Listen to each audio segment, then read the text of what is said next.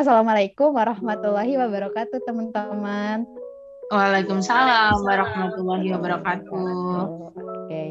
uh, berhubung kita ngerekordnya malam, jadi kita ucapkan selamat malam buat semuanya. Tetap semangat ya, meskipun ini hawa-hawa uh, abis taraweh gitu, jadi ada efek-efek ngantuknya. Kita harus tetap semangat seperti semangat pagi. Yeah. Di sini juga ada backsoundnya hujan. Uh, tuh kan. Aduh. Iya, di sini lagi hujan nih. Sama nih. Gak apa-apa yang penting jangan ngantuk ya. Kita mau bahas apa nih di sini? Bahas apa tuh? Bahas apa tuh? Ayo. Mungkin dari dari virus mau jawab atau gimana? Mbak, bentar ini gak kedengeran hujannya deras banget. Gak apa-apa, gak apa-apa. Gak apa-apa. Gak apa-apa, gak apa-apa. Kita ini, Teh Syifa, kita mau bahas soal jalur masuk kita di perguruan tinggi. Oke, benar sekali. Jadi di sini uh, kita mau sharing pengalaman kita, cara kita masuk uh, eh, UNY itu seperti apa. Nah, sebelum kita mulai sharing, perkenalkan dulu nih. Aku Syifa Fitri Hirliana dari PLS Angkatan 2020. Nah, sebelumnya aku masuk UN yaitu kebetulan lewat jalur seleksi mandiri. Nah, seleksi mandirinya itu aku lewat jalur UTBK Soskom. Boleh nih uh, siapa dulu ya? Kak Ellen? Dulu nih. Oke, mungkin aku dulu ya. Uh, kenalin, aku Latifa Ellen. Aku juga dari angkatan 2020. Satu kelas sama Teshifa juga. Dan untuk jalur masuknya aku dari SBMPTN. Uh, okay. Kalau aku, Virus Nuriski uh, dari PLS angkatan 2021. Uh, masuknya lewat jalur SNMPTN. Wih, mantap nih lewat uh, jalur rapat ya. Keren banget. Beruntung. Ya, itu termasuknya keren ya. Nah, iya, betul betul betul. Betul kan. Nah, sebelumnya nih karena kita udah udah tahu nih mau uh, sharing tentang pengalaman kita nih masuk ke UN ini seperti apa, bisa dimulai nih dari siapa dulu yang mau menceritakan kisahnya gitu.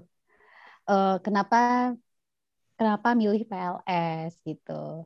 Mungkin bisa dari SNMPTN dulu? Nah, dari bener jalur banget. Apa? Uh, boleh, boleh. Uh, uh, jadi uh, aku dulu itu waktu uh, pemilihan prodi waktu SNMPTN itu aku sebenarnya masih bingung mau apa, masih kayak bimbang antara ini atau ini. Jadi aku waktu itu uh, hamin hamin berapa sebelum pemilihan itu aku konsul dulu ke guru BK uh, eh, enaknya uh, lebih bagus mana uh, buat masuk di UND itu prodi prodi apa gitu. Nah, sama guru BK itu disaranin uh, pendidikan luar sekolah. Soalnya kamu juga uh, apa uh, guru BK tahu kayak kelebihannya aku. Terus uh, aku juga ber, sebelumnya aku juga cerita kalau uh, kayak pengen berbaur sama masyarakat kayak gitu. Nah, uh, guru BK aku itu uh, nyaranin buat uh, mending kamu uh, masuk pendidikan luar sekolah aja gitu. Kebetulan ibu juga dulunya uh, dari jurusan pendidikan luar sekolah juga. Ibu dulu juga UNY. Jadi uh, guru BK aku itu uh, dulunya juga alumni PLS UNY. Terus akhirnya uh, aku cari-cari tahu akhirnya aku semakin tertarik nih buat uh, masuk di prodi PLS ini. Jadi uh, waktu itu ya udah aku milihnya PLS. Kalau uh, Mbak Ellen sendiri gimana? Tadi uh, kita ada sedikit kemiripan sih. Uh, sebenarnya uh, keluargaku tuh ada dua orang dari jurusan PLS. Yang pertama itu ada bapak, kedua itu ada uh, sepupu aku juga dari jurusan PLS. Nah, tapi uh, aku dulu juga minat di PLS itu karena aku berawal dari kegiatan sosial. Aku kayak di pekerjaan sosial gitu. Ini nggak apa-apa ya suara hujannya? Nggak apa-apa Mbak Syahdu. uh, dan akhirnya pertama itu akhirnya aku milih di apa di PLS di SBMPTN yang pertama karena aku itu anak gebiar dua kali ikut SBM yang pertama itu 2019 dan ketolak sedih jujur ketolak. Akhirnya aku nggak ikut seleksi mandiri dan lain-lain aku nunggu SBMPTN tahun selanjutnya. Alhamdulillah sekali aku di tahun 20 itu keterima di PLS sesuai dengan jurusan yang aku mau. Dan kebetulan memang PLS itu pilihan pertama. Jadi sesenang itu sih aku masuk PLS karena aku juga tadi sih backgroundku dari pekerjaan sosial aku banyak kegiatan gitu di kemasyarakatan kemudian di kaum kaum marginal kayak gitu nah kalau Tesipa sendiri apa? Kenapa tertarik seleksi mandiri PLS? Oke, sebenarnya ceritaku tuh panjang banget gitu ya. Kalau dibilang uh, gimana ya, itu ceritanya sangat panjang. Jadi intinya aku juga sama nih kayak Kailan. Aku sama-sama gap year. Cuman dulu bedanya, aku tahun pertama itu aku masih di jurusan IPA. Nah di situ aku uh, tahun pertama aku coba deh masuk uh, jurusan yang aku pengen gitu ya kebetulan dulu aku pengennya pengennya kimia tapi uh, tapi uh, kodarullah nih ya aku aku nggak keterima nggak dapet tuh kimianya. Tapi aku malah keterima di teknik sipil di universitas universitas di Jawa Barat gitu kan. Terus uh, kondisinya itu di situ aku lagi uh, nggak apa ya lagi nggak sehat gitu kan. Nah di situ aku memutuskan untuk uh, ngulang satu tahun dan aku pilih uh, lin, uh, apa ya lintas jurusan gitu. Karena aku tuh sebenarnya dari dulu tuh passionnya bisa tuh di di soshun gitu. Tapi aku dulu ya waktu SMA namanya gengsi itu ngotot di IPA habis itu udah tuh aku gapir setahun gitu kan. Nah aku awalnya uh, awalnya juga aku nggak uh, kepikiran sekali sama PLS gitu. Justru aku uh, dulu itu fokusnya di satu jurusan yang uh, lazim lah uh, uh, yang didaftarin sama anak soshum gitu kan. Nah, aku dulu tuh pengen banget masuk situ. Makanya tuh aku udah udah masuk, udah nyoba semua univ yang ada ada jurusan itunya kan. Dan uh, dan ternyata itu aku nggak keterima juga. Terus abis itu pas aku uh, masuk uh, apa ya? Pas UN nih ke, kebetulan lagi buka jalur juga. Akhirnya aku juga mencoba daftar dan pilihan pertama itu masih tetap yang aku pengen gitu. Nah, baru tuh pilihan keduanya PLS dan ternyata tuh ya aku keterima di PLS gitu. Berarti nah. emang rezekinya di PLS ya, Tah? Iya, benar. Dan itu tuh banyak cerita ceritanya deh gitu yang bikin ya sedikit apa ya banyak pelajarannya yang bisa didapat gitu. Nah, uh, kan ini kita juga ngejelasin uh, kita bahas apa ya tips and tricks nih cara kalian kenapa bisa masuk PTN atau kenapa bisa masuk PLS gitu. Mungkin dari siapa dulu nih? Mungkin aku duluan boleh deh. Tadi kan udah. Oke kalau aku sih karena kebetulan aku muslim ya aku harusnya pastinya ya selalu uh, ibadah doa seminta uh, apa dari Allah juga. Kalau aku pengen pengen banget di sini. Terus kemudian jangan lupa belajarnya juga. Kalau aku sih sebenarnya karena aku kan nggak bisa tiap hari belajar harus belajar UTBK terus terus nggak. Aku itu belajar kalau memang mau mau dan belum bisa. Jadi kalau semisal aku tiap hari belajar itu malah nggak masuk. Nggak masuk cuma masuk telinga kanan keluar telinga kiri udah selesai. Nggak ada guna belajar. Akhirnya aku punya tips and trick sendiri yaitu aku kalau ada waktu luang dan benar-benar pengen belajar, aku belajar itu cuma bentar. Paling uh, ha, misalnya di malam hari, aku tuh kalau belajar sukanya di jam 2 pagi. Jam 2 sampai sampai subuh. Itu karena menurutku itu kayak hawanya tuh hawa tenang. Jadi kayak nggak ada gangguan, nggak ada suara-suara bising dan itu aku bisa fokus. Makanya aku belajar di jam sekitar itu dan nggak lama. Itu mentok paling lama itu cuma setengah jam. Uh, yang banget paling satu jam. Dan itu aku uh, pelajarin yang benar-benar aku belum bisa dulu. Nanti kalau untuk materi yang uh, mudah itu aku kayak akhir-akhir gitu sih. Nah kalau aku kayak gitu sih. Mungkin teman-teman yang lain juga kayak gitu sebenarnya. Kalau tes Siva sama Heru sendiri gimana tips and triknya uh, sebelumnya suara aku kedengeran kayak mbak? Kedengeran dengar dengar kalau dari aku uh, karena emang dari awal aku tuh udah pengen pokoknya ntar kalau aku mau masuk kuliah aku eh, uh, jalurnya pakai jalur SNMPTN gitu. Jadi dari kayak dari kelas 10 kayak aku emang belajar belajar itu. Sebenarnya aku juga sama kayak Meren juga kayak yang terus terusan belajar. Uh, belajar paling kalau mau ujian kayak gitu tapi dari apa di situ kayak waktu ketika mau ujian aku uh, berusaha buat gimana biar uh, nilai aku tuh nanti bagus gitu. Dan uh, setiap uh, pergantian semester pergantian kelas nilai aku itu uh, apa si, apa uh, naik. Kalau nggak naik ya stand, sama lah. Pokoknya sebisa mungkin uh, buat nggak turun gitu. Jadi uh, di situ aku kayak uh, ya belajar terus nyusun-nyusun strategi. Ini ya kalau aku mau uh, nyus kalau mau masuk jurusan ini aku harus kayak uh, nilai nilai nilainya di mata pelajaran ini tuh segini gitu. Selain itu juga ya pastinya kita berdoa terus banyakin banyakin sholawat sama uh, puasa puasa kayak sunnah Senin, Kamis gitu sama sholat tahajud. Kalau dari Mbak Syifa sendiri gimana? Aku sih uh, apa ya seperti pada orang umumnya seperti orang apa ya, lazim lah ya kayak aku uh, rajin ya belajar, aku beribadah, Cuman aku mau kasih satu pelajaran yang mungkin aku menyesalkan kenapa aku nggak ngelakuin waktu pas aku gapir gitu. Nah, jadi kalau aku harap nih teman-teman yang lagi pejuang gapir, aku, aku saranin teman-teman ikut kegiatan deh gitu ya. Mau itu kegiatan volunteer atau mau apa namanya uh, part time itu aku saranin kalian harus ikut banget gitu. Karena apa? Aku pengalaman waktu pas GPR itu aku belajar aja terus.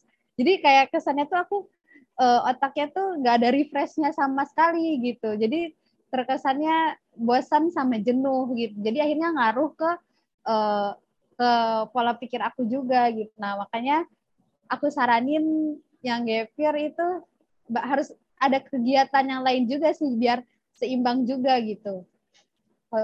Kalau aku sih gitu.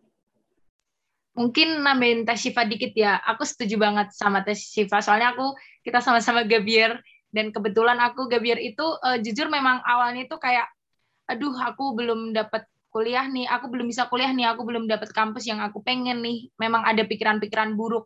Akhirnya aku kayak Teh Shiva ikut banyak kegiatan di luar sana karena itu menurutku bisa jadi salah satu ajang kita itu bisa milih kembali gitu loh. Kalau kemarin kemungkinan kita salah pilih, kemungkinan uh, ke depannya kita bisa pilih uh, yang memang sesuai dari kita karena kan dan kebetulan aku kan kemarin ikut kegiatan dan aku tahu tentang PLS tentang pendidikan luar sekolah pendidikan non formal dan wah ini memang aku cocok dan uh, insya Allah bisalah masuk di situ. Dan alhamdulillah ketika aku coba ternyata masuk juga. Dan sesuai gitu loh dengan uh, kegiatan setahunku sebelum kuliah.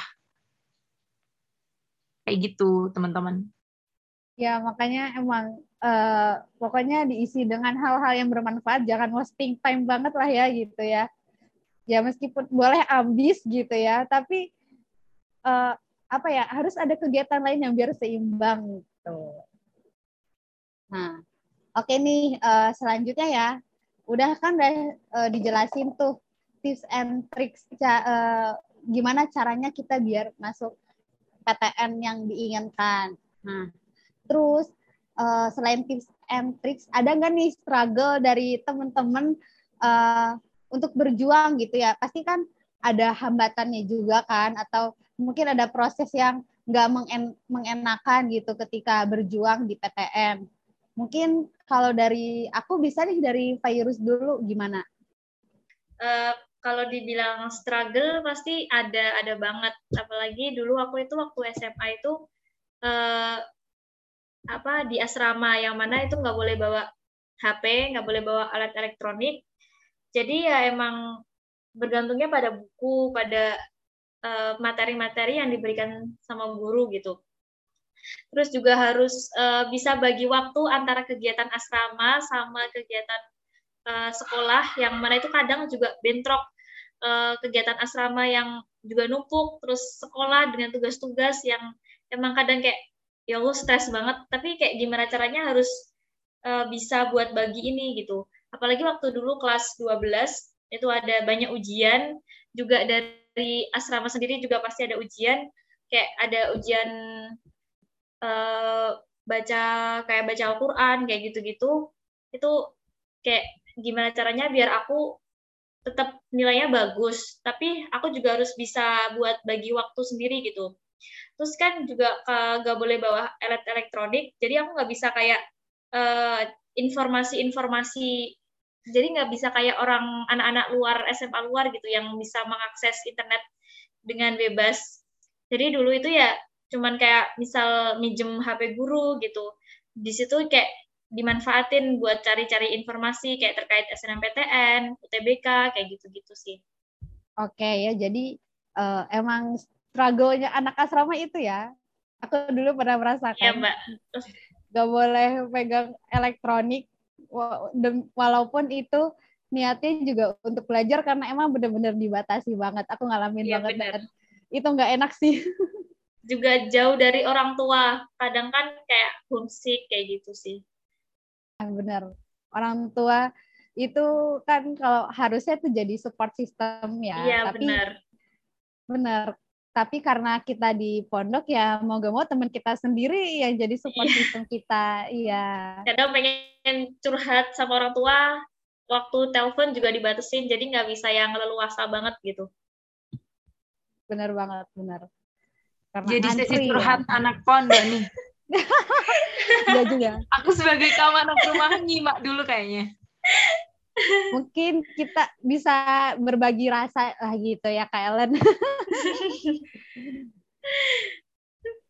nah mungkin kalau dari Kak Ellen dulu struggle-nya gimana nih dapat PLS? Kalau aku uh, itu karena PLS kan soshum dan aku itu backgroundnya SMA MIPA dan uh, ketakutan-ketakutannya ada sih kayak aduh gimana ya uh, bedanya kayak gimana ya sebenarnya kayak gitu. Kemudian dari segi uh, umur juga karena kebiar dan aku merasa aku tuh udah tua banget dan kayak teman-temanku tuh pasti lebih muda dan aku uh, kayak udah tua sendiri tapi kayak dari permasalahan itu aku karena aku udah milih PLS ya aku harus menghadapi itu semua gitu loh dengan berbagai resiko konsekuensi yang akan aku terima. Makanya uh, dari uh, kalau misalnya aku anak MIPA dan aku akhirnya linjur ya karena itu udah konsekuensi yang memang aku pilih ya aku harus hadapi aku harus belajar lagi dari awal. Kalau semisal dari segi umur aku kayak harus beradaptasi aja sih. Uh, lebih baik kita merasa masih muda daripada merasa terus terusan tua kayak gitu sih kayaknya Bener kok. Aku merasakan banget apa yang dirasakan oleh Kak Ellen sekarang ya. Jadi aku nih bisa nih dua-duanya, bisa masuk ke Virus sama Kak Ellen. Masih kita sama. Balance Jadi, berarti kalau Tashifa. Balance. Jadi kita itu uh, apa ya, Ellen? Still very young. Bener banget ya. Uh, di sini juga oke okay ya apa ya aku juga mau nih menceritakan struggle aku dalam uh, mendapatkan PTN gitu ya. Ini sih lebih khususnya PTN. Nah, struggle yang aku rasakan tuh sebenarnya kurang lebih sama ceritanya sama Kak Ellen. Coba di sini uh, aku apa ya struggle-nya itu lebih ke mental aku sih gitu kayak waktu pas GPR tuh kayak mental aku tuh di di dempak banget gitu ya. Apalagi aku waktu itu aku daftar berapa univ gitu ya kurang lebih ada empat apa lima univ gitu ya. Nah itu itu itu ketolak semua dan aku di situ bener-bener down gitu kan ya. Kayak down dan sempet aduh itu parah banget sih sempet sampai marah ke Tuhan kenapa aku kayak gini gitu kenapa aku nggak diterima gitu apa yang aku inginkan gitu kan. Nah tuh di situ kayak aku bener-bener bingung mau ngapain lagi ya lihat buku SBM tuh udah nggak mood banget gitu ya. Ya gimana gitu pokoknya. Ya kit ya mau marah aku bingung marah mau mau ke siapa gitu pelampiasannya. Karena kan e, kalau di sekitarku juga gak ada yang bersalah gitu. Jadi aku kayak berjuang dengan dengan ini mentalku banget gitu. Nah terus ya waktu itu ya kebetulan e, dari semua univ yang yang ketolak tuh ya udah itu udah pengumuman terakhir kan ya nah yang yang aku pengen ketolak terus tiba-tiba ada informasi uh, ada nih PTN yang masih buka gitu PTN yang masih buka pendaftaran nah salah satunya itu UNY. Nah, pokoknya itu ada dua univ ya. Nah, di situ pokoknya aku pilih UNY aja nggak tahu kenapa kayak feeling aku condong ke Jogja gitu. Nah, nah habis itu ya udah pilihan pertama tadi aku ceritain yang jurusan yang lazim lah yang didaftarin sama anak sosum seperti apa. Nah, baru tuh pilihan keduanya PLS. Nah, terus ya pas pengumuman ternyata yang keterima PLS gitu ya. Nah, akhirnya tuh uh, sebenarnya aku di situ udah tuh udah mulai terjawab apa terjawab kenapa uh, Tuhan uh, menerima aku di jurusan PLS gitu karena ya teman-teman jadi sebelumnya dari awal dari awal gap tuh aku udah berdoa berdoanya semoga aku bisa bermanfaat di masyarakat, bisa memberdayakan masyarakat, bisa mengajar ke masyarakat tanpa harus kita pakai baju seragam. Nah, itu yang aku doa doa waktu pas dulu gitu pas Jepir dan ternyata pas aku tahu nih aku searching lagi lebih lanjut di tentang PLS. Nah, itu ternyata dia tuh kayak bebas banget gitu ya. Intinya kita bisa berkenalan dengan masyarakat kan ya gitu. Itu sih struggle aku. Jadi lebih ke penerimaan diri sendiri juga. Itu berarti doanya langsung dijawab dan ditunjukkan ke hal yang memang Siva pengenin ya. Iya bener banget. Tapi itu ada jalan yang berkelok-kelok gitu ya, kayak naik turun gitu. Jadi ya itu kerasa banget sih. Jadi ada kesan yang paling mendalam. Pasti sih entah jalur SNMPTN, SBM ataupun seleksi mandiri itu kita kayak punya struggle sendiri gitu loh dan itu pastinya uh, cuma kita yang bisa menghadapin dan kita yang bisa nyelesain sendiri. Gitu. Gak apa-apa sih. Seenggaknya kita bisa ketemu di PLS. Iya asik. Karena kita juga ya ini ya punya apa uh, rasa struggle yang diperjuangkan masing-masing dan itu pun kita nggak boleh ini ya kayak nggak boleh mencela gitu ya. Kayak Allah dia uh, struggle-nya gitu doang. Nggak kayak gitu kok. Karena yang bisa merasakan kan itu diri sendiri juga kan. Pasti punya pengalamannya lebih berkesan dengan uh, struggle-nya itu Oke, nah, nah oke okay nih, karena nih teman-teman uh, tahu nggak sih? Karena uh, sekarang nih ya udah lagi mulai apa ya masa-masa daftar SBMPTN teman-teman udah tahu nggak sih? Udah udah. SNMPTN kan udah oh. selesai kemarin. Nah iya benar. SNMPTN kemarin udah ya pengumuman kelulusannya. Mungkin buat teman-teman yang keterima selamat gitu kan ya. Nah, yang belum dapat uh, semangat untuk berjuang lebih keras lagi karena peluangnya masih ada. Nah, bisa nih uh, teman-teman semua kasih pesan yang lagi mau ngejar SBMPTN dan uh, seleksi mandiri gitu. Kira-kira dari siapa, Hayo? Siapa dulu nih? Dari Mbak Ellen boleh? Aduh, aku dulu lagi. Apa ya? Yang penting sih kalau untuk itu pertama kita harus yakin ya. Uh, kita harus milih apa itu yakin jangan ngikut-ngikut orang. Hmm. Aku kasih peringatan jangan pernah ikutan karena temen pilih A aku A jangan karena kita akan ngerasain sendiri, kita akan menghadapi sendiri teman kita yang saudara kita tuh nggak bakal bantu, nggak bakal cuma kita yang bisa bantu diri kita sendiri. Makanya kalau untuk milih tentang perguruan tinggi ini kita harus niat dan tahu sih uh, kalau aku misalnya kalau aku kan pilih PLS ya udah aku PLS aku harus bisa karena aku mampu gitu kan. Menurut aku oh aku bisa nih di jurusan PLS makanya aku pilih PLS jangan karena uh, temanku. Ya itu aja sih kalau dari aku jangan jangan ngikut-ngikut orang. Intinya niat dalam hati aja sendiri dan kita harus merasa kalau kita mampu dan mau. Kalau aku kayak gitu aja. Okay, next mungkin virus nih dari tadi diem itu mau kasih wejangan-wejangan buat adik-adiknya yang di bawah kayaknya. Uh, kalau dari aku buat teman-teman semua uh, mungkin jalan kita buat nempuh uh, perguruan tinggi itu nggak uh, sama ya. Uh, tapi tetap kita itu harus melakukan yang terbaik, optimis, uh, lakukan sesuai dengan kemampuan yang kita punya uh, dan percaya sama takdir Allah dan ya minta ridhonya orang tua dan guru jangan lupa. Karena itu penting banget sih menurut aku. Kalau dari Mbak Syifa nih gimana nih? Gimana ya? Karena yang pengen aku jawab itu udah kejawab semua teman-teman. Kayak ya kita emang harus uh, harus sesuai dengan passion kita, bakat kita dari kemampuan kita seperti apa. Kita juga harus mengalangitkan doa-doa kita dan gak lupa juga kita minta restu orang tua dan lingkungan sekitar yang mendukung kita gitu ya. Kayak pokoknya itu sih kurang lebih sama. Oh, satu pesan lagi. Kadang uh, kita kalau uh, kesel sama guru kan kadang suka ngomongin guru nih. pasti sih itu jadi uh, uh, kalau bisa jangan ngomongin guru. Kalaupun misal udah melakuin melakuin kayak ngelakuin kita udah ngomongin guru uh, ayo kita uh, minta maaf kita minta restunya minta doa sama beliau supaya uh, jalan kita dalam uh, menuju mencapai perguruan tinggi yang kita inginkan itu semakin lancar gitu. Karena ridho dari guru itu juga penting banget uh, kalau dari aku segitu aja.